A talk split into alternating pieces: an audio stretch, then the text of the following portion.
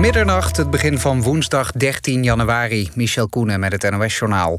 Het kabinet heeft het in de extra ministerraad vanavond niet gehad over de vraag of het af moet treden vanwege het vernietigende rapport over de toeslagenaffaire. Het overleg duurde zo'n drie uur. Vrijdag zal het pas gaan over de politieke consequenties, zoals het mogelijk aftreden van het kabinet, zei premier Rutte. Hij zou daar geen voorstander van zijn, maar binnen de coalitie wordt daar anders over gedacht. De oppositie wil dat het hele kabinet aftreedt vanwege de affaire. Zoals verwacht heeft het kabinet de lockdown met drie weken verlengd tot en met dinsdag 9 februari. Premier Rutte zei op de persconferentie dat er steeds meer zorgen zijn over de Britse coronavariant die besmettelijker lijkt. Verder is het OMT gevraagd om een spoedadvies over een avondklok. Het kabinet wil weten of het een goed middel is tegen groepsvorming. Voor het begin van de lente wil het kabinet alle kwetsbaren gevaccineerd hebben. En voor de zomer moeten alle 60-plussers zijn ingeënt. De gemeente Den Haag heeft niet ingegrepen bij de demonstratie in Duindorp op Oudjaarsdag. Onder meer omdat de veiligheid van de aanwezige kinderen in het geding kwam. Dat heeft burgemeester Van Zanen geantwoord aan de gemeenteraad. Bij het protest voor het behoud van vreugdevuren waren tientallen mensen aanwezig. Het leek meer op een feest omdat ze dansten, zongen en geen afstand hielden. Dat leidde tot veel verontwaardiging op sociale media. Volgens Van Zanen heeft de organisatie er alles aan gedaan om de boel rustig te laten verlopen. Emmen heeft ook de 16e wedstrijd in de eredivisie verloren. De hekkensluiter verloor dit keer met 4-0 bij Heracles. Eerder op de avond pakte Vitesse drie punten tegen Utrecht. In de Gelredome werd het 1-0 voor de Arnhemmers. Vitesse staat daardoor voorlopig tweede in de eredivisie. Het weer nog. Vannacht kans op lichte vorst en gladheid. Lokaal kan een winterse bui vallen. Overdag zon en vooral in het noorden kans op een bui bij maximaal 7 graden. Dit was het NOS Journaal. NPO Radio 1. VPRO. Nooit meer slapen.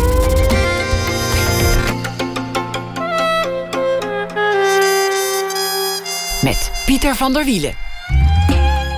Goedenacht en welkom bij Nooit meer slapen. Hoe het precies zal gaan is als zo'n beetje alles ongewis. Maar komend voorjaar zal Nederland de organisator zijn van het Eurovisie Songfestival. Eigenlijk vorig jaar al, maar dat hoef ik niet uit te leggen. En de jonge ontwerper Diek Pothoven zit tegenover me. Hij kreeg alvast een eervolle functie. Hij wordt hoofdstyling en fashion. Of dat is hij eigenlijk al een lange tijd. Hij is al heel druk ermee bezig. En zal op die manier een belangrijke rol spelen in dit reusachtige spektakel. Diek Pothoven, afgestudeerd in 2015 aan de Artes Hogeschool in Arnhem.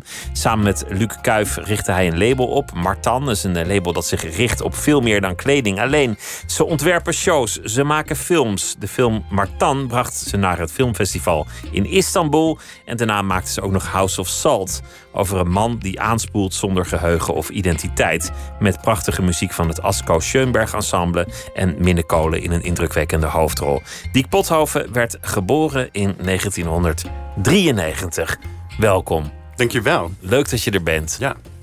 Eh, Ben, je dan ook een beetje gespannen over hoe het zal gaan met, met het Eurovisie Songfestival? Wat, wat er nog mogelijk zal zijn eer het mei is? Ja, het is grappig. Die vraag wordt veel gesteld door mensen om me heen. Vaak vooral vrienden van mij die zeggen... ja, mijn moeder die eh, zei dat het helemaal niet doorgaat. Klopt dat? En dan denk ik, hè, voor zover ik weet... gaan we gewoon een hele mooie show neerzetten. En wij focussen erop dat er op het podium in ieder geval... alles kan gebeuren wat wij voor ogen hebben. En ja, hoe dat met publiek daaromheen gaat...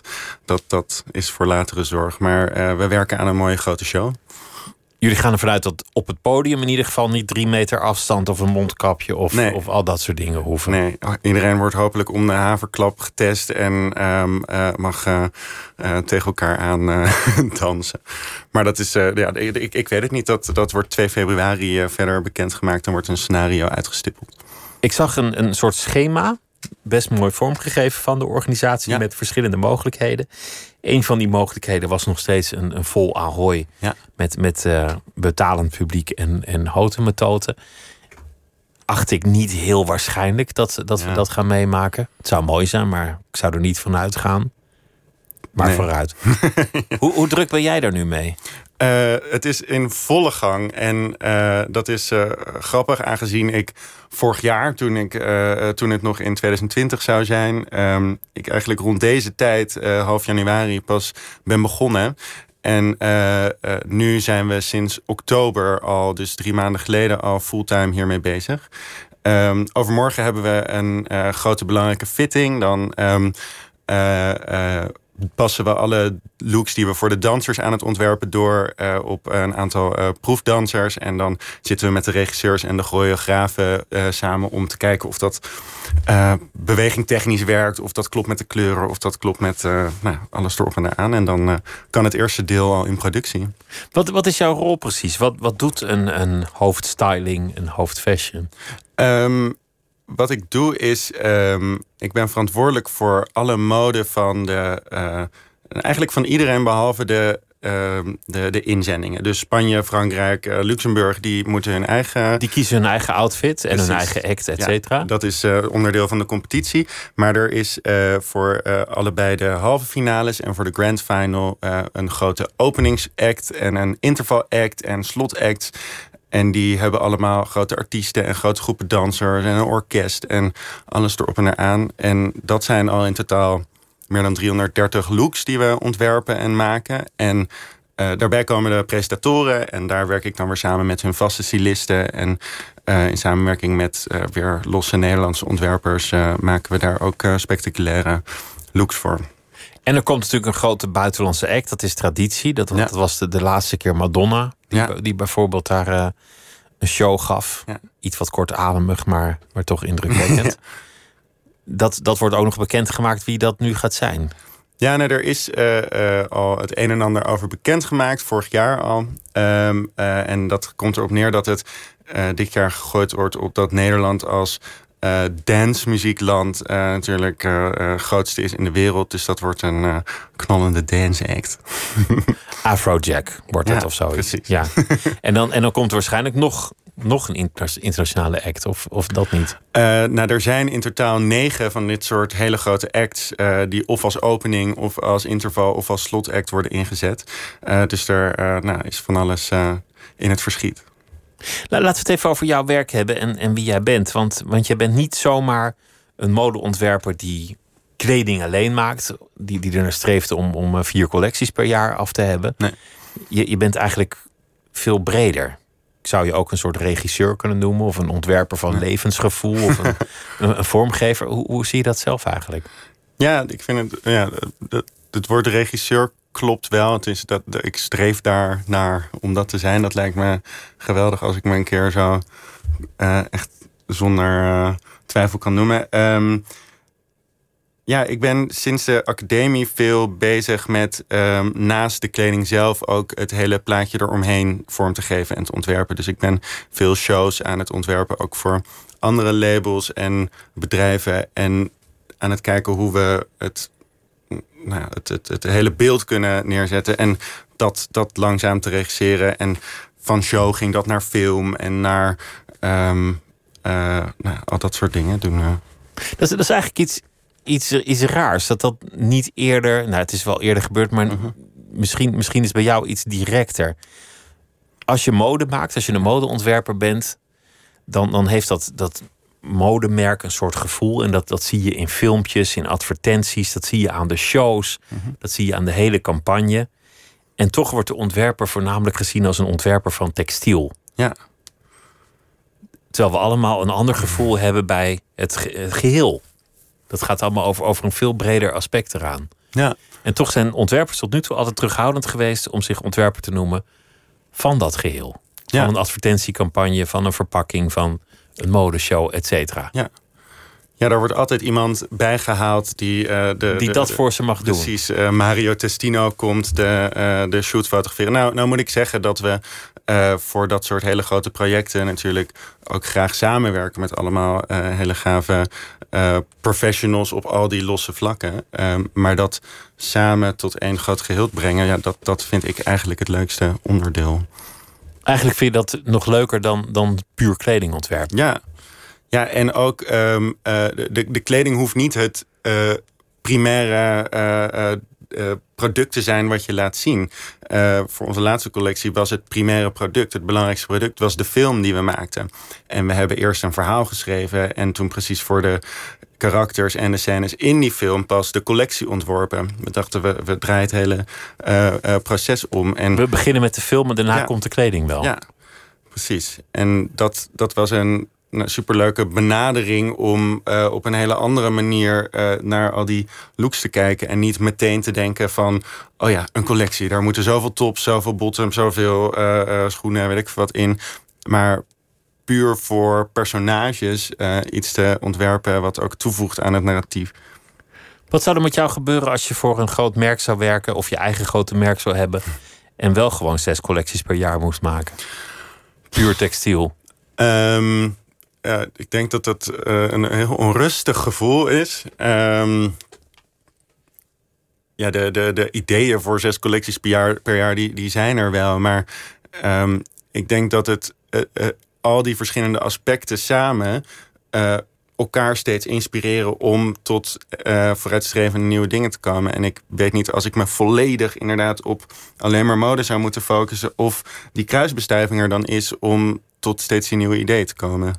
Dus alleen een broek, dat zou uiteindelijk een minder mooie broek worden dan wanneer je zegt: ik begin eens met de film of ik begin met de catwalk. Ja, ongetwijfeld. Hoe is dat begonnen? Hoe, ging dat op de academie dat je, dat je zo begon uh, te meanderen? Um, ja, nou, op de academie moet ik zeggen dat, dat, dat de eerste twee jaar een soort waas zijn. Ik kwam net uit de uh, middelbare school en ik uh, vond het uh, vooral allemaal heel spannend en interessant. En ik herinner me dat ik echt pas vanaf de derde daar landde en dacht van... Oké, ik ben dit echt aan het doen en voor mezelf. En het ging altijd allemaal hartstikke goed en prima. Maar mijn docenten zeiden ook van... Toen, toen, ik, nou, toen werd ik twintig in de derde volgens mij. En toen zeiden ze van... Ja, nu ben je er. Nu, nu gaan we het echt ergens over hebben. En ik denk dat het op de academie meer was dat ik een het voortouw nam in projecten die we deden als klas. En op die manier het leuk vond om uh, mensen in hun uh, nou, ultieme rol te helpen. Of te, nou te, te, kijken hoe we dat groepje konden regisseren in een, um, nou, in een, een, fijn verhaal. Maar um, het super conceptuele um, is denk ik vooral gekomen ook door nou, mijn samenwerking met Luc. En uh, uh, hij heeft mij daar heel veel in geleerd. En nou, hoe dat uh, zo, zo geschiedde, denk ik. Toen jullie elkaar tegenkwamen, toen, toen werd het eigenlijk de vorm die het nu ja. al, al een hele tijd is. Jullie, jullie vriendschap, want jullie zijn ook in het dagelijks leven gewoon ja. maatjes. Mm -hmm. Dat is eigenlijk de motor geweest voor, voor, voor alles ja. wat er gebeurd is. Ja, zo is het echt begonnen. En het, het idee was, uh, uh, we doen één grote lijpe show en dat wordt een grote portfolio stunt. En daarna ga ik heel veel praktijkervaring opdoen en zou Luc een master gaan doen. En dat is hij ook gaan doen. Dus hij is naar New York gegaan om daar Parsons te gaan doen. En uh, dat is nu natuurlijk allemaal een beetje tot stilstand gekomen. Dus hij is weer terug in Nederland. Dus we werken simultaan naast elkaar. Ik ben met Douwe vooral Martan aan het runnen en het Songfestival aan het doen. En uh, Luc zit in uh, de ruimte naast ons en we, nou, we, we helpen elkaar. Maar zo loopt dat allemaal een beetje voort. Maar het is, hij is het, een klankbord en ik help hem weer door andere dingen heen. Het is wel interessant wat een modemerk wordt voor zover dat eigenlijk niet al is. Wanneer je op die manier gaat denken. Wanneer je niet primair vanuit de kleding denkt, maar meer vanuit het lanceren van een, een beeld, ja. een campagne of een gevoel. Ik, ik denk dat dit uiteindelijk voor de meeste modemerken toch de toekomst gaat zijn. Dat, ja, dat lijkt me logisch, omdat het in wezen al zo, zo is. Hoe, hoe kijk jij daar tegenaan? Um, ja, ik denk dat het langzaam gebeurt, inderdaad. Uh, de, de, de, het verhaal wat er achter een show moet zitten van... Maar ja, het is vaak heel visueel nog. Er zit niet heel veel storytelling achter. Maar als je kijkt naar hoe Chanel en Dior en uh, Prada... hoe die shows steeds megalomaner worden... en um, soms bijna een soort musical decors worden... Um, waar zich hele uh, verhalen in afspelen... dat, dat wordt steeds groter. En um, je moet ook steeds meer doen om je publiek te blijven prikkelen. Dus ik denk dat dat ja, zeker de toekomst is. Je kan niet meer zomaar een catwalk neerleggen met, met wat leuke doeken eromheen en een paar mooie modellen in je nieuwe collectie eroverheen. Nee. Rausen. Dat, dat gaat gewoon niet meer. Ja, het zou geen indruk maken. Nee. Ja. Je, je bent dus ook gewend om met, met anderen samen te werken. Dat, dat deden jullie op de academie al. Je hebt, je hebt mhm. voor andere grote ontwerpers shows gemaakt en, en ander materiaal. Voor het Songfestival werk je waarschijnlijk ook samen met heel veel andere grote ontwerpers. Ja. Wat, wat, wat voor team heb je om je heen? Wie doen er allemaal mee? Um, nou, echt het, het, het modeteam van het Songfestival uh, is uh, het, het Martan-team. Dus um, mijn rechterhand Douwe is uh, nou, boven aan de piramide en die overziet alles en die heeft alles geweldig onder controle. En um, dan heb ik een vaste stylist erbij, Marja. En uh, Lieselot en Meike. Nou, gewoon een, een heel zootje uh, mensen waarmee ik echt als atelier op het Rokin zitten we dat allemaal te bekokstoven en alle eerste samples te maken en uh, te ontwikkelen. En dan hier om de hoek bij de NOS um, zitten alle producenten van het Songfestival zelf die me om de haverklap bellen of ik deze looken af heb en of ik hier een plaatje voor heb en of ik voor deze artiest misschien al wat kan opsturen en dat. Maar um, daarbuiten uh, werk ik voor de presentatoren inderdaad samen met de, de grote bekende namen als de David Laports en de Claes Iversens. En, um, Dan jou hoorde ik ook. Uh, ja, ja, daar uh, hebben we ook contact mee. Um, het is uiteindelijk aan de presentatoren met wie ze het liefst in zee gaan. Um, en dan is het aan mij om ervoor te zorgen dat het een modern beeld wordt en nou, samen een geheel. Wat, wat bedoel je met een modern beeld? Wat is dat? Ja, ik, ik, ik probeer niet te vervallen in uh, flauwe termen, maar uh, het, het Songfestival heeft natuurlijk een bepaald imago. En die glitter en glamour en hier en daar ook kitscherigheid, die krijgt. Uh, de glitterpakken bedoel De glitterpakken, die, die, die, die willen we natuurlijk als kijker zeker zien, maar die krijgen we ook sowieso van alle contestants uit de verschillende landen. Uh, maar waar ik voor wil zorgen is dat, um, uh, dat de presentatoren niet in soort uh, gekleurde bruidsjurken daar aankomen, maar in high-end moderne jurken. Het liefst zo, niet, niet te prinsesserig. Laten we het daarop houden. Een beetje snel. Een beetje snel. het, het, zowel in de liedjes als in het visuele aspect is, het, is de wapenwedloop van het Eurovisie Songfestival nog steeds volop gaande. Het wordt elk jaar spectaculairder. Ja. Vooral veel Oost-Europese inzendingen. Dan, dan, komen ze in een soort drakenpakken, vuur spuwend, rook aan touwen naar beneden. Het, het, maakt het bij vlagen vermoeiend om naar te kijken, om, omdat mhm.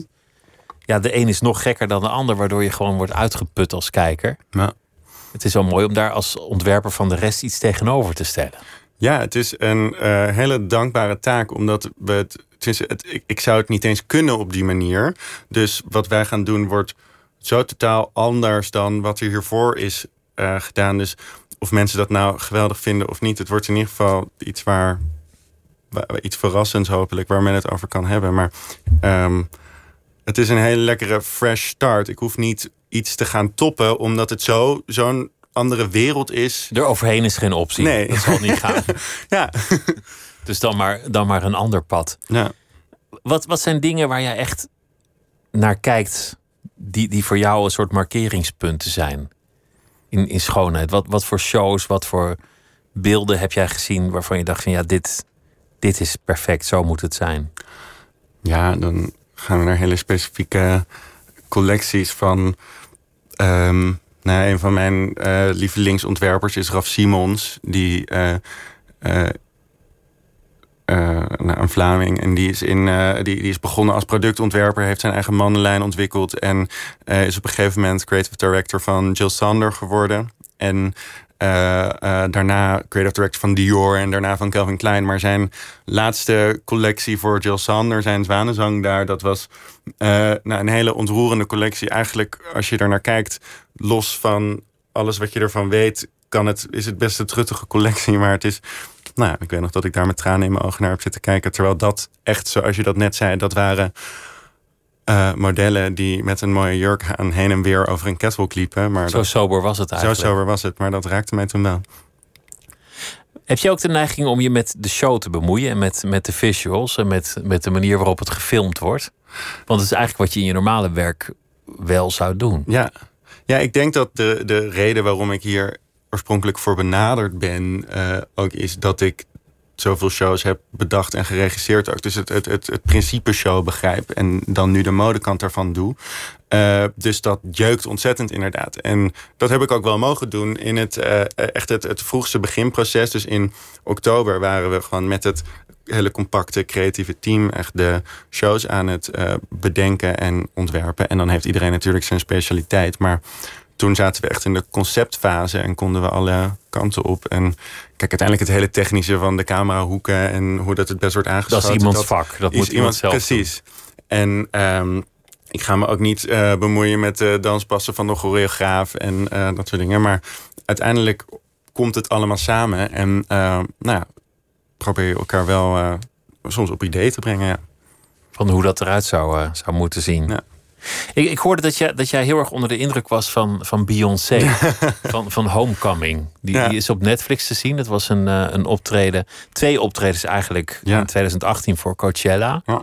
En, en het, het concept was dat zij een soort Afro-Amerikaanse geschiedenis wilde schetsen. zonder dat er heel dik bovenop te leggen. Mhm. Zonder er een soort hoorcollege van te maken. En het moest daarmee ook een gevoel van Black Pride Ja. uitstralen. En het, het was vooral visueel zeer indrukwekkend Ja. wat ze daar deed in die anderhalf uur of wat was Ja. het. Ja, ik vond dat heel knap, want het was een, eh, een vrij kale setup. Ja, ik vond vooral, eh, er werd er mij gevraagd wat inderdaad showtechnisch eh het, het, het gaafste was wat er in mij op zou komen. En toen kwam ik hier omdat het, ehm, en dat is wat ik zelf ook vaak probeer te doen, omdat we het natuurlijk altijd met mini-budgetten iets heel spectaculairs moeten neerzetten. En ik zeg niet dat dit een mini-budget was, absoluut niet. Maar omdat het op een festival is, dus het moet allemaal binnen een paar uur op en afgebouwd kunnen worden. Je, je kan niet al te veel vuurwerk neerzetten, want, Precies. want er staat nog een act voor je op dat Ja. podium. eh, was het op zo'n sekke manier heel ingenieus opgebouwd ehm, en kon het eh, het hele podium op bepaalde, eh, nou, in bepaalde standen transformeren.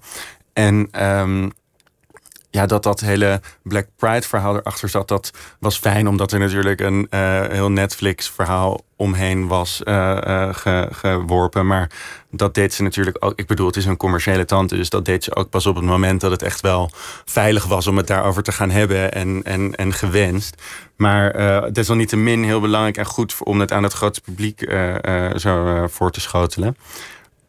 Maar nou, daar zaten gewoon een aantal zulke slimme trucjes in. Ik vond het gewoon, punt 1, heel grappig dat ze. Het is twee keer achter elkaar Coachella. Dus ze konden het twee keer precies hetzelfde opnemen. En dat hebben ze eh, op zo'n slimme manier door elkaar geknipt. Nou, Zodat ze dan de ene keer het roze pakje en met haar in één klap. iedereen roze en dan iedereen geel. En dat, dat is een heel spectaculair effect. Dat precies. zag er, heel, dat zag er ontzettend eh, goed uit. Maar, maar waar het uiteindelijk op staat, is dat het, het basisidee Mhm. heel sterk is. Ja. Je begint met een soort New Orleans van varen. Ja. En dan ga je via Nina Simone, et cetera, langzaam naar het heden toe. Ja. ja, en al haar muziek vertaald eh, met een enorme eh, high school fanfare band daarachter, die dat allemaal live speelde. Dus ehm, op zo'n manier, eh, nou ja, muzikaal ook heel interessant. Dat is eigenlijk een live videoclip. Ja, Dus, dus als je het hebt over kunstvormen waarin langzaam de oorspronkelijke discipline wordt verlaten, dat, dat geldt voor kleding. Het geldt ook al heel lang voor muziek. Het Songfestival is niet meer een plek waar je gewoon opkomt en een mooi liedje zingt. nee. En mensen zeggen, goh, wat een leuk liedje en wat zong je mooi. En zeker dit jaar, als er geen publiek is, zal het veel meer een videoclip moeten worden. Ja. Wat het eigenlijk al was. Ik vind het wel een interessante vorm. Ja, ja nee, er wordt heel erg nagedacht over hoe eh, zonder publiek eenzelfde soort interactie tussen artiest en. Nou, is dat dan de camera of is dat dan een danser? Of hoe kan je eh, toch Die spanning eh, oproepen. Die spanning opbouwen, inderdaad. Als er geen publiek is, eh, zetten we dan de DJ met zijn rug naar het. waar eigenlijk het publiek zou moeten zitten, zodat er in ieder geval iets met het podium kan gebeuren? Of gaan we de leegte inzenden? Ehm, ja, dat, dat zijn hele belangrijke dingen die overwogen worden nu. We gaan luisteren naar eh, Beyoncé, omdat je die eh, noemde. En dit is een, een, een liedje dat eh, van een ander album kwam, niet live, Me, Myself, and I. All the ladies, if you feel me, help me sing it out.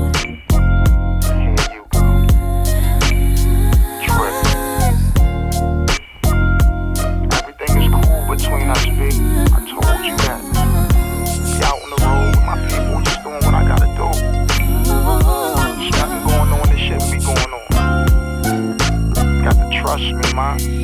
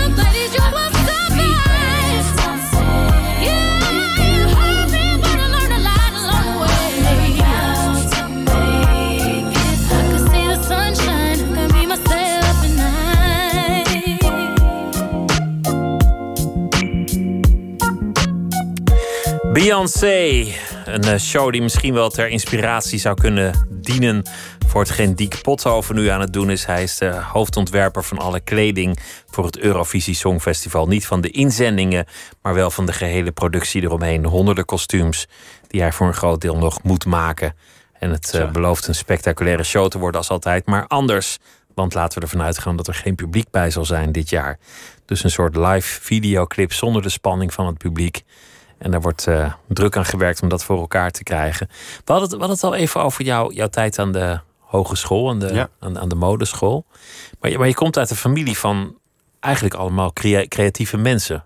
Ja, Ontwerpen zit wel een beetje in de, in de genen. Ja, ja al, al, al van generaties terug inderdaad. Ehm, Wat wat is de eerste die je weet die, in je familie? Nee, ik weet dat mijn overgrootvader eh, eh, van mijn moeders kant... die eh, begon als jong broekie al met zeilbootjes bouwen. En dat, is, dat is hij steeds verder gaan ontwikkelen. en dan bouwde hij een klein bootje. En daar won hij vervolgens alle wedstrijden in. Dus dan wilde men dat bootje wel van hem kopen. En eh, die was ontzettend, nou ja, nautisch dat heel intelligent aan het eh, maken. En dat is uitgegroeid tot een jachtwerf in Haarlem. En dat heeft mijn grootvader toen overgenomen. En dat zijn steeds grotere nou ja, superjachten geworden voor eh, nou ja, de, de, de, de rijkste der aarde. Dus de, de Mr. Forbes en dat soort types. En die, Donald- die bestaat ook nog, die, die werf. Ja, dat heet nu Fat Ship. Eh, of tenminste, de, de werven heten de Vries en Van Lent. En samen met eh, eh,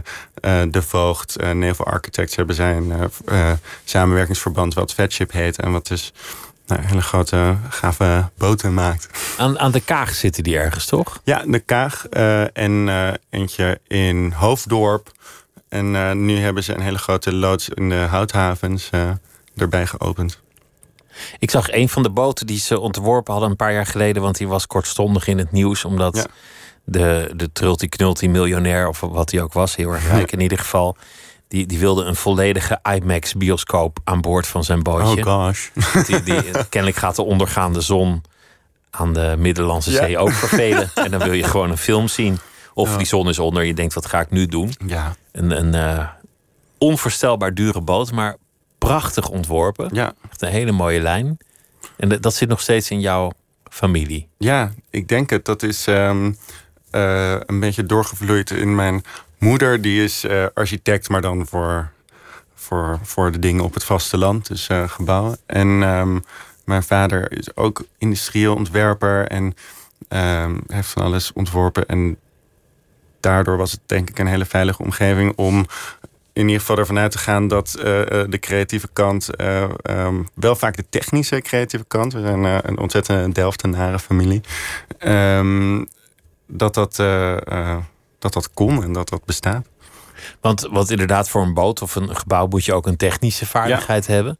Wat was, was dat bij jou ook een aanleg die je had? Wat was een interesse voor jou om misschien iets in Delft te gaan doen van industrieel ontwerpen? Of Ja, zo? nee, ik, ik, ik had inderdaad als. Ik wist best wel vroeg dat ik eh, naar de eh, modeacademie wilde. Maar ik hoorde van alle kanten dat het ontzettend moeilijk was om aangenomen te worden. Er deden 600 mensen toelating en maar 40 mensen mochten erin. Dus eh, als ik niet zou worden toegelaten en het jaar daarna weer niet en het jaar daarna weer niet, dan zou ik ongetwijfeld bouwkunde zijn gaan doen in Delft. Waar kwam je interesse voor kleding dan ineens vandaan? Ik weet het niet. Tenminste, ik ehm, wist vrij vroeg dat ik naar de kunstacademie wilde. En toen ben ik daar allerlei eh, dingen in gaan onderzoeken en ontdekken. En toen was het een heel logisch gevolg dat dat kleding werd. Mijn moeder zei dat ik als eh, kleuter in de eh, supermarkt... iedereen die een mooie gekleurde jas aan had... al eh, aan de mouw trok en aan de knopen wilde zitten... en eh, eh, dat allemaal geweldig vond. Maar ja, dat, dat, dat, Dat was er gewoon. dat was er gewoon, ja. Waren je ouders er meteen mee akkoord dat je daar je vak van wilde maken? Ja, ik heb daar nul weerstand in eh, ondervonden. Die vonden dat wel, eh, wel gaaf. Ja, ik was er gewoon zo eh, doelgericht mee bezig. En ze hebben me ontzettend nou, gestimuleerd om dat ook te proberen. Ik moest wel af en toe een soort uitleggen dat... Ik bedoel, je hebt natuurlijk een vader die zegt van... ja, een eh, kunstacademie en ga je daar dan ooit wel wat mee verdienen? Eh, en nou, dan had ik als antwoord... ja, ik wil wel de mode-industrie in... en dat is tenslotte de grootste industrie op aarde. Het is groter dan de olie-industrie, dus er zal vast wel een baan te vinden zijn. Dat is iets wat mensen vaak over het hoofd zien. Het is, Ja. het is een miljardenindustrie. Ja. Er gaat onvoorstelbaar veel geld in om. Ja, Er is heel veel commercie en je kunt er ook ontzettend rijk in worden als je Mhm. het goed doet. Je kunt er ook straatarm in worden, maar dat, dat kan in alles. Dat kan ook in olie, kan je ook straatarm in Ja. worden als je dat wil.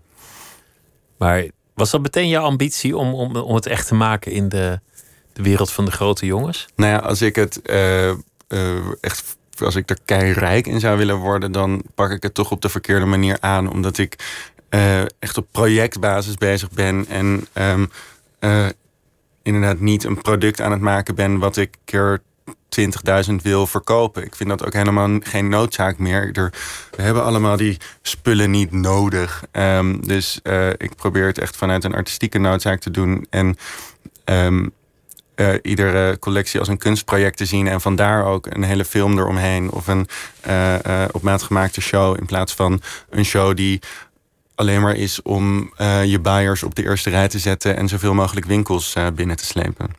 Want die red race die is eigenlijk al best een tijd aan de gang. En je, je hoort van steeds meer mensen, ook van topontwerpers, Ja. dat ze er eigenlijk niet meer zo'n zin in hebben. Nee. Ja, en gelijk hebben ze. Aan de andere kant, er is eh, sinds corona... hebben heel veel modehuizen gezegd... we gaan het roer helemaal omgooien en we gaan het anders aanpakken. En zijn die shows wel nodig? Maar nou ja, geen twee maanden later... was iedereen weer enorme shows aan het geven... al dan niet met of zonder publiek. Ehm, dus ik denk niet dat er heel snel heel veel gaat veranderen...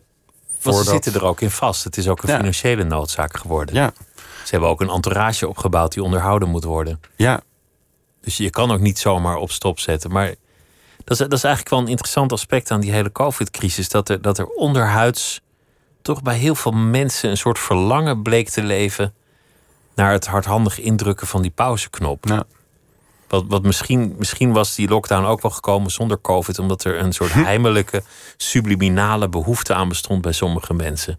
Klinkt heel raar, maar dat soort gevoelens onderhuids, die, die komen pas later in de geschiedenis aan het licht. Dat mensen denken, was dat het eigenlijk niet gewoon al die tijd? Nou, ik denk dat een heleboel. Kijk, het is natuurlijk verschrikkelijk voor een heleboel mensen. Maar ik denk dat eh, evenveel mensen er. eh, dat het een hele welkome ja, rustperiode was. Om, eh, Dat las je toch ook overal? Mensen die zeiden, oh, Ja. ik ben eindelijk een keer alleen met mijn kinderen. Of, of dat soort... eh, ja, nu worden ze er weer gek van na eindeloos ja, krijg je dat weer.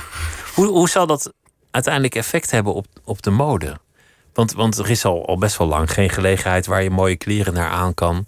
Nee, klopt. Iedereen loopt al, al negen maanden, bij wijze van spreken, in zijn, in zijn huispak. Ja, en met je haren tot je schouders. En Ja, want je kan ook niet naar de kapper. Nee. Nou ja, daar ga je.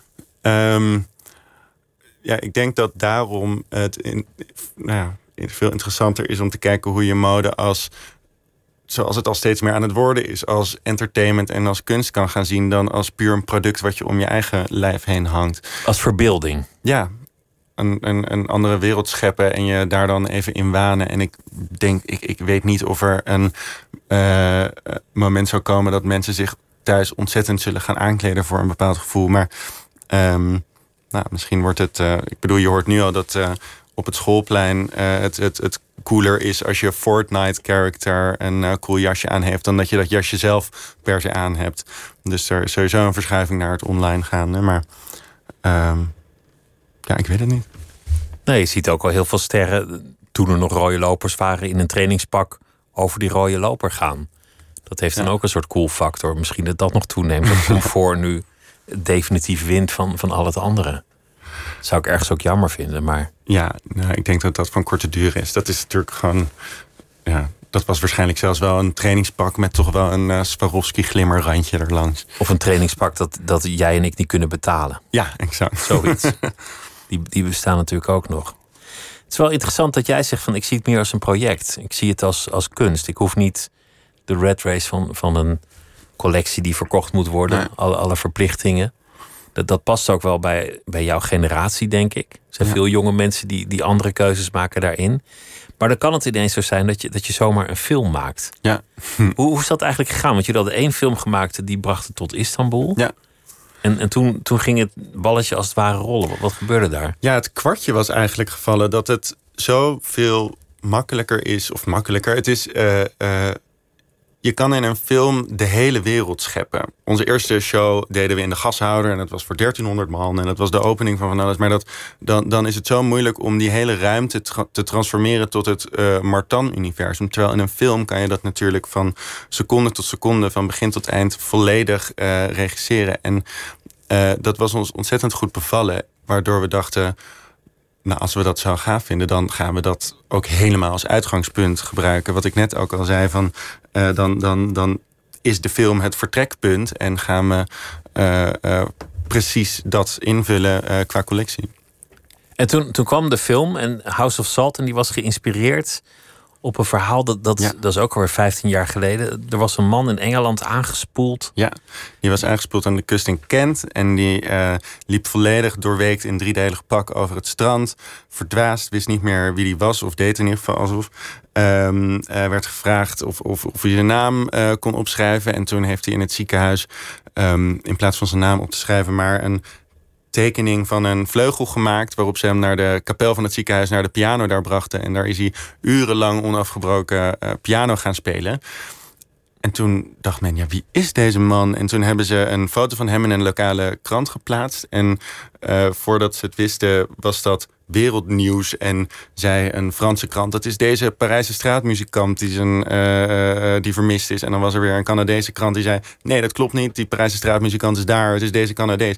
Dus eigenlijk in een wereld waar letterlijk de boot werd afgehouden voor iedere vreemdeling, werd deze aangespoelde vreemdeling geclaimd door al deze landen. En dat vonden we een heel interessant paradox waarop we nou, toen een verhaal zijn gaan schrijven. Is het eigenlijk ooit opgelost wie de, wie de Piano Man nou was? Ja, het is een heel anticlimax-achtig verhaal. Of, nou ja, een heel treurig verhaal. Het was een Duitse boerenzoon die ehm, zichzelf van het leven wilde beroven. En bij Kent de zee in is gelopen. En toen terug het land op is gespoeld. En in Duitsland altijd in een psychiatrische inrichting heeft gewerkt. Dus heel goed een eh, eh, posttraumatisch eh, stress disorder kon nabootsen. En nou, eigenlijk heeft voorgedaan alsof hij niet meer kon praten. En wel kon piano spelen. Wat, wat hij waarschijnlijk Ja. ook echt kon. Want dat kan je niet nabootsen, natuurlijk. En, en in jullie film, jullie hebben door uh, Minne Kolen uiteindelijk de hoofdrol laten spelen. En eh, nou, ja, een hele mooie cast, eh, ook voor, de, voor de regie en zo aangetrokken. Mhm. Maar had het ook, had het ook een soort, soort horror-element? Die man bleef, bleef ook de hele film doorweekt. Er Ja. bleef maar water uit zijn broekspijpen stromen. Ja, dat was oneindig.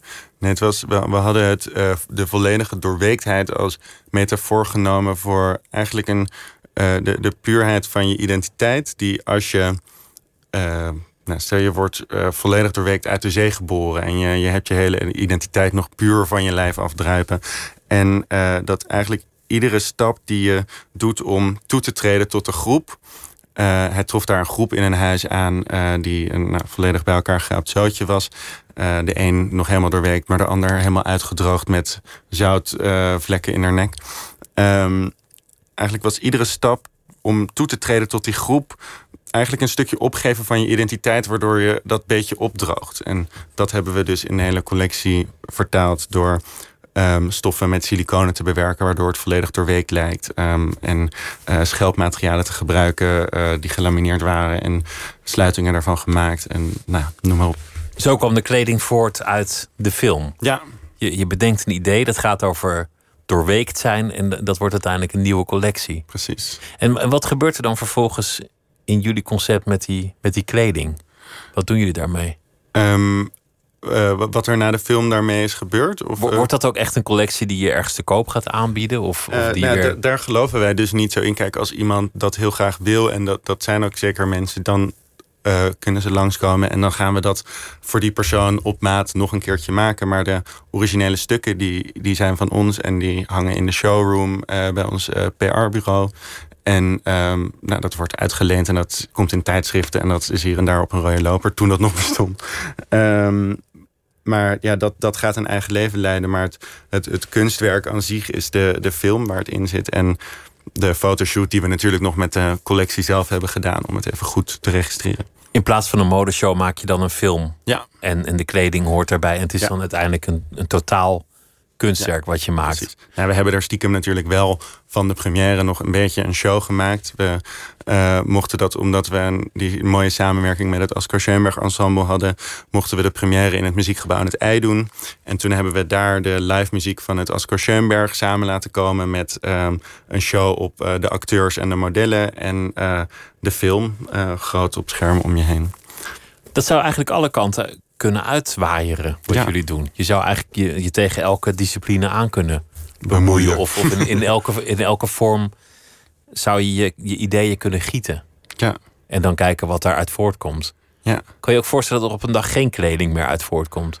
Ehm, ja, nou, er, er zijn genoeg projecten al geweest waarin ik niet verantwoordelijk was voor de kleding.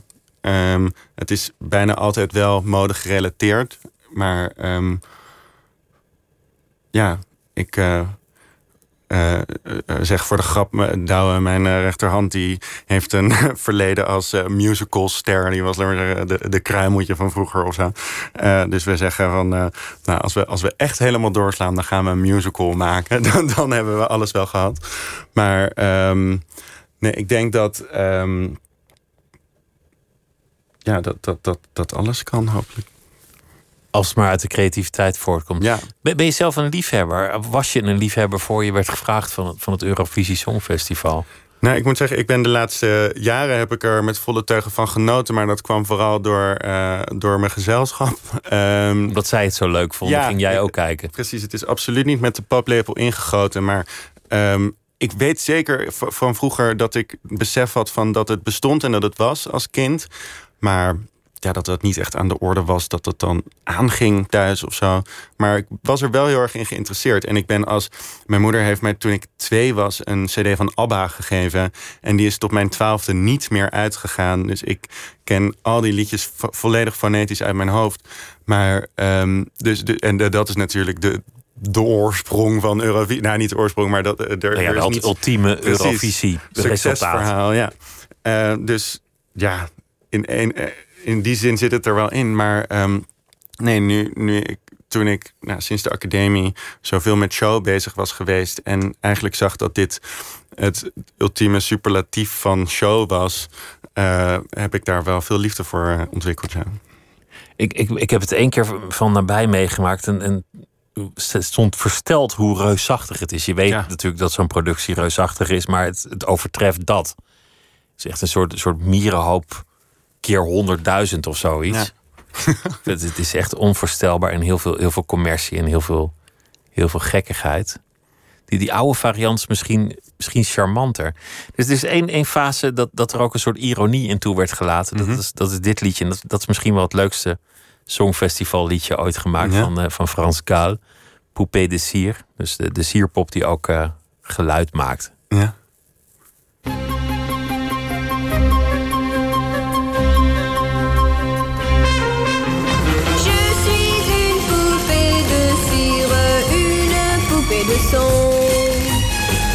Cœur est gravé dans mes chansons, poupée de cire, poupée de son. Suis-je meilleure, suis-je pire qu'une poupée de salon? Je vois la vie en rose bonbon, poupée de cire, poupée de son. Mes disques sont un miroir dans lequel chacun peut me voir. Je suis partout à la fois, en mille éclats de voix. Autour de moi, j'entends rire les poupées de chiffon. Celles qui dansent sur mes chansons, poupées de cire, poupées de son. Elle se laisse séduire pour un oui, pour un non. L'amour n'est pas que dans les chansons, poupée de cire, poupée de son.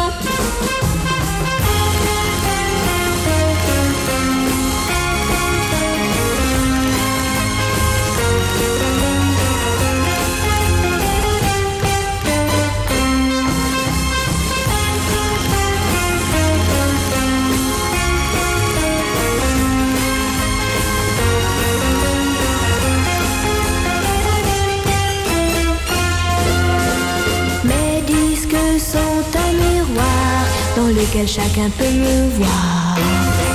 Je suis partout à la fois, brisée en mille éclats de voix. Seule parfois je soupire, je me dis à quoi bon chanter ainsi l'amour sans raison, sans rien connaître des garçons. Je ne suis qu'une poupée de cire, qu'une poupée de son. Sous le soleil de mes cheveux blancs, poupée de cire, poupée de son. Mais un jour je vivrai mes chansons, poupée de cire, poupée de son. Sans craindre la chaleur des garçons. Poupée de cire, poupée de son. Frans Gaal, geschreven door eh, Serge Gainsbourg uit 1965. eh Poupée de Cire, Poupée de Son. Diek Pothoven die zit hier en eh, we hadden het over het Eurovisie Songfestival. Want hij is de ontwerper van alle kleding van de productie. Een reusachtige klus, er wordt al hard aan gewerkt. In mei moet het gaan plaatsvinden vanuit eh, Ahoy. Waarschijnlijk zonder publiek, laten we daar maar vanuit gaan. Het wordt dus een soort live videoclip. Hoe ga je dat eigenlijk doen? De spanning overbrengen? Hoe moet je eigenlijk de DJ plaatsen als er geen publiek in de zaal is met zijn gezicht naar de zaal? Of de andere kant op. Dat soort vragen, maar dat is ook weer een uitdaging. En eh, Diek is een ontwerper anders dan andere ontwerpers. Niet strikt gericht op het textiel. Hij houdt van show, hij houdt van vormgeving. Ook van film, van clips, van andere gebeurtenissen. Als er maar een artistiek idee aan ten grondslag ligt. En dat kan dan misschien in een andere volgorde juist weer leiden tot nieuwe kleding. Niet een merk beginnen om zes collecties per jaar te maken, zei hij. Het moet gaan om de kunst. We hebben het ook kort gehad over je familie. Een familie van ontwerpers, maar wel met een technische kant. Van luxe jachten, van eh, boten, maar ook van eh, gebouwen. In het geval van je moeder. En zo kwam je terecht op de Artes Hogeschool. En toen je Luc Kuif tegenkwam, begon alles echt eh, te lopen. We hebben het eh, en passant ook over, over de corona-epidemie gehad. Wat zal het veranderen aan de mode-industrie? Is dit de uitweg die sommigen al langer dachten te zoeken? Of zal het uiteindelijk gewoon teruggaan naar hoe het altijd al was? En misschien iets gehaaster om de crisis te boven te komen en eh, de ingehaalde schade in te halen. En hoe zal het gaan met de nieuwe generatie die al gewend is aan online leven? Waar je alter ego online mooie kleren hoeft te hebben, maar jij zelf niet per se. Zal het huispak dan toch de rode loper uiteindelijk be- bereiken? Het trainingspak, dat soort vragen kwamen ook nog ter tafel. Het is eigenlijk wel interessant wat, je aan het doen bent. Je bent dus een soort ontwerper van iets, maar, maar je weet eigenlijk niet per definitie wat het is. Het komt ergens vandaan Nou, en welke vorm het neemt, dat zien we dan wel weer. ja. Wordt het een film? Wordt het een, een fotoboek? Wordt het een, een catwalk? Wordt het een kledingstuk? Het kan alles. Ja, de een zegt dat, dat, dat, dat je helemaal niet al die dingen tegelijkertijd kan doen. eh, en dat je pas groot kan worden in iets als je je volledig ergens op focust. Maar ja, Op één ambacht, op één discipline. ja, maar ik merk inderdaad dat juist het doen van al deze dingen samen me steeds op nieuwe ideeën brengt, waardoor het eh, interessant wo- hopelijk wordt wat ik doe. En dus ja, ik zou het niet kunnen op één ding. We hadden het over, over welk gevoel de kleding moet uitstralen. En jij zei modern. Mhm. Geen glitterpakken, Ja. geen bruidsjurken. Het, het moet voelen als iets van nu. Ja. De vergelijking met Beyoncé kwam langs. Ja, nou, Eh, die, die is ook wel van de glitterpakken hoor. Ja, nogal. Je, je had het over, over eh, de, de Vlaamse ontwerper Raf. Ja. En, en wat hij heeft gedaan voor verschillende modemerken, dat dat je inspireerde. Maar, maar welke, welk gevoel ligt er eigenlijk ten grondslag aan, aan jullie merk, aan, aan Martan? Waar, staan jullie voor? Wat voor identiteit is dat? Ja, het is ehm, nou, heel, heel visueel gezien ehm, kleurrijk. En ehm, nee, op, op, gebied van vorm zijn we steeds op zoek naar, eh, eh, nieuwe technieken en eh, manieren hoe we volumes kunnen creëren. Maar eigenlijk het belangrijkste is, is dat we niet bezig zijn met per se iets heel. Knaps of pretties, iets, iets, iets, iets, iets moois neerzetten. Het, hoeft helemaal niet als uitgangspunt te hebben dat iets mooi moet zijn. Eh, het uitgangspunt is hetgeen wat je ermee wil vertellen. En eigenlijk een, het hoeft geen voorwaarde te zijn dat iets heel schoon of mooi moet zijn. Dus ehm, en als je dat eenmaal loslaat en zelfs op zoek gaat naar een beetje dat, dat rauwe randje, dan denk ik dat je op veel interessantere dingen uitkomt. Want dat is kleding uiteindelijk. Zeggen Ja. wie je bent of wat je wil communiceren. Het is uiteindelijk een communicatiemiddel, los van dat je Ja. geen kou moet vatten. En niet Ja. gearresteerd moet worden wegens naaktloperij. Ja. Dat is het uiteindelijk. Maar, maar, maar wat bedoel je met het rauwe randje? Ehm, ja, dat kan op, eh, in, in allerlei vormen zijn. Eh, eh, bijvoorbeeld dat ik vroeger als kind eh, eh, zwart zo stom vond... omdat geen één kleur mooi is met zwart. En toen kwamen we er in de eerste collectie achter... dat we juist het alleen, eh, kleuren alleen maar lekker vonden... als er nog een soort zwart tegen, tegen aangezet werd... omdat het dan net een beetje vieziger werd. Omdat het anders zo vanzelfsprekend... en anders dan, ja, dan vreet je het op als zoete koek... in plaats van dat je toch nog twee seconden langer nadenkt. Dus roze werkt beter wanneer je er zwart bij draagt. Ja, omdat, we dat, ja, omdat het eigenlijk een beetje naar is, maar ook heel, ja, daardoor spannend. Op die manier. ik, ik dacht dat je bedoelde de gescheurde kleding. Oh nee. ik dacht, al die ja. fases hebben we nou toch wel gehad. Nee, nee, Dat- nee, dat daar, daar zijn we ook niet zijn. van. Nee. En wat, wat bedoel je eigenlijk met, met volume creëren? Wat Ehm, is dat? Volume creëren, eh, nou, technisch gezien is dat eh, hoe je van het lichaam afbouwt. Ehm, dus eh, dat, dat kan je doen door enorme hoepelrokken eh, ergens onder te doen, zoals dat. nou, Schouderstukken, hoepel, rokken, precies. mouwvullingen, maar wijde pijpen, et cetera. Maar je kan nou, allerlei vormen en constructies bedenken hoe dat nou, op andere manieren gaat. Maar dat is eigenlijk de kant die je nou net niet interesseert, dat hele technische. Nee, juist wel. Ik, ik ben dol op de hele technische kant van kleding. En ook daar ehm, ja, draagbare, toch spectaculaire eh, oplossingen in vinden. Omdat het, kijk, iedereen kan iets, eh, een, een, een soort explosie maken die eh, nou, choqueert of overkomt. Maar om dat te maken, maar dan ook nog voor iemand die dat aan zou willen. ik denk dat die fine line, dat dat het, het lastigste en het interessantste is. Dat het ook nog lekker zit. Dat het Ja. er ook nog mooi uitziet. Ja, dat je denkt, dit wil ik aan. Ja. Denk je dat we veel van jouw werk zullen herkennen als, als we gaan kijken in mei naar, eh, naar het Songfestival? Ja, ik hoop, je wel. dat je je stempel erop op kan drukken Ja. op zo'n enorm ding? Ja. Ehm, de, de, de, de ateliers die het aan het eh, produceren zijn, waarmee wij eerdere eh, collecties ook hebben gemaakt, die eh, zeiden in ieder geval meteen van wauw, dit is helemaal diek, dit is helemaal Martan. Dus hopelijk houdt dat stand, want we zitten natuurlijk in het begin van het proces en er gaan nog honderd Heel veel mensen, mensen doorheen een plasje over doen. Ja.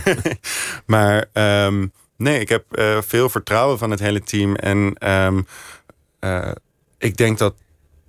Ja, ik, ik, ik denk het wel, ja. Mijn antwoord is ja. Want dat is best moeilijk om, om je eigen stem naar voren te krijgen in zo'n reusachtige productie. Ja.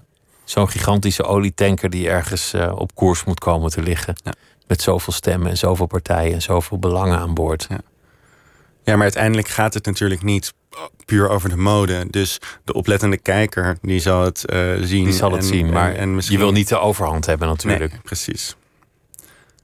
Waar, waar ben je over vijf jaar als, als het aan jou ligt? Ehm, Uit de lockdown, laten we het hopen, maar, maar verder. Ja, kan. Ehm, ehm, dan eh, ben ik een speelfilm aan het regisseren. En hopelijk eh, nou, het eh, hele, de, de nieuwe World Tour van Beyoncé aan het vormgeven. Gewoon een groot droom. Ja. Dat is wel grappig. Ik kwam, ik kwam een, een artikel tegen waar- waarin je... Toen was je denk ik 18 of zo. Ja, Als een van de velen aan het woord kwam. En toen, toen had je eigenlijk ook al een enorme Ja? ambitie en enorm zelfvertrouwen. En, en toen zei je ook, ja, ja een, eigen, een eigen merk, dat moet toch wel gebeuren. En eh, een paar grote shows. Ja, volgens mij zijn al die dingen nog uitgekomen ook. Maar ja. Nee, het, was, het is inderdaad een... Ik weet dat eh, toen anderhalf jaar geleden wij als Nederland het Songfestival wonnen...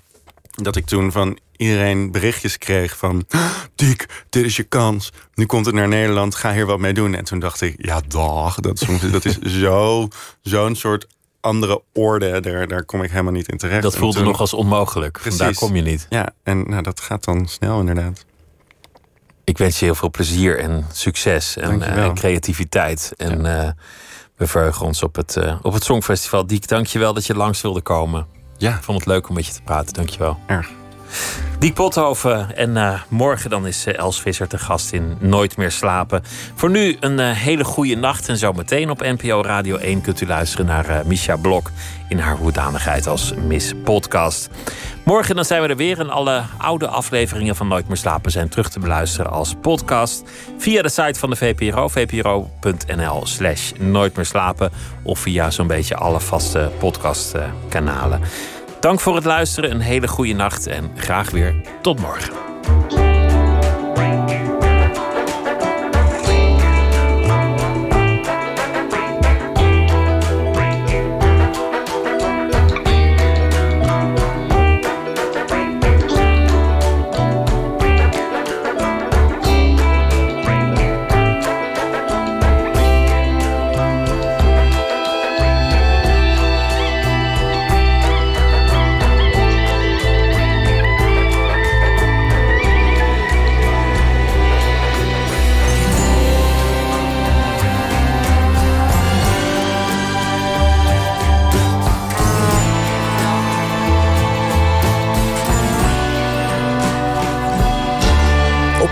1.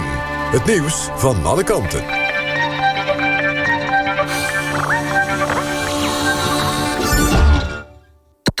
NPO Radio 1.